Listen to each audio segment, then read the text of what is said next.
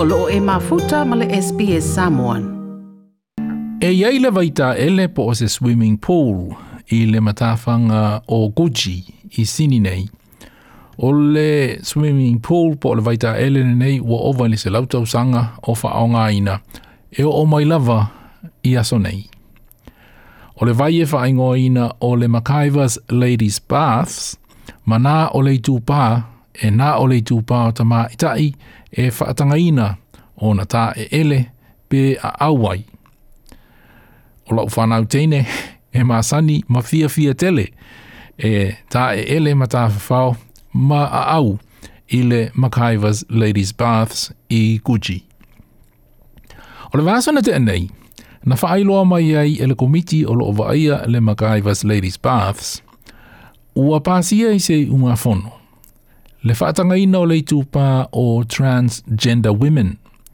O na whaonga ina le vai, e a au mata e ele ai, whaatasi, ma isi tu maisi ta maitai, e pe ona māsa ni le tūpā o ta maitai. O le vai le nei, le Macaivas Ladies Baths, e matua sa tapu tapu, se ta maaloa po se alii, o na ulu fale iai. Peitai. Peitai. E nā ole i tūpā o transgender women, ua mai au na whaia o lātou ta o tonga. E sui ai o lātou i tūpā, e ave ai mata mā i tai. Nā o i lātou nā, o lo ua whaatanga ina i lalo le i ngā whono le O nā ulufale ma a au mata e ele, mo isi ta mā i tai, i le Macaiva's Ladies' Baths. O le whaawinga ina lea, e le komiti o lo aia, le Macaivas Ladies Paths, o se tangata transgender, i lalo o le tūlā whono le New South Wales Discrimination Act. Nā o i lātou, ua mai au na whaia o lātou ta tonga, e sui ai o lātou i tūpāia e avea matama i tai. Ua whaite o ina e nisi le whaai unga le nei ala komiti, malato fai mai o se whaai unga e manatu whaapito ma whaai longa tangata.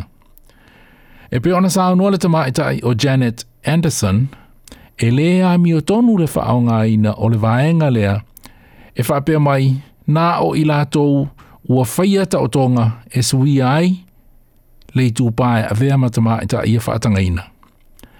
A e whaapea fea, ia isi tangata transgender, e le nga fatia le tau o se taotonga.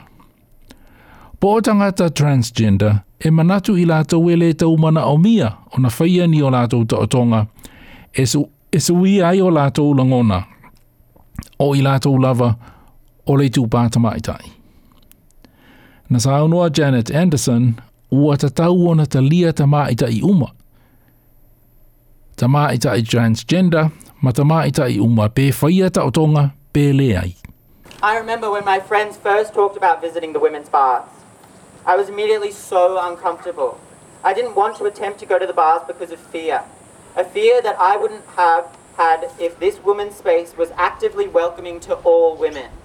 I wouldn't have had to feel guilty for being trans, feel inconvenient, or feel disgusting. It's time for women's spaces to start advocating for all women, no woman left behind. Like, share, mafaali sa ufinangalo. Muli-muli ile SBS Samoan ile Facebook.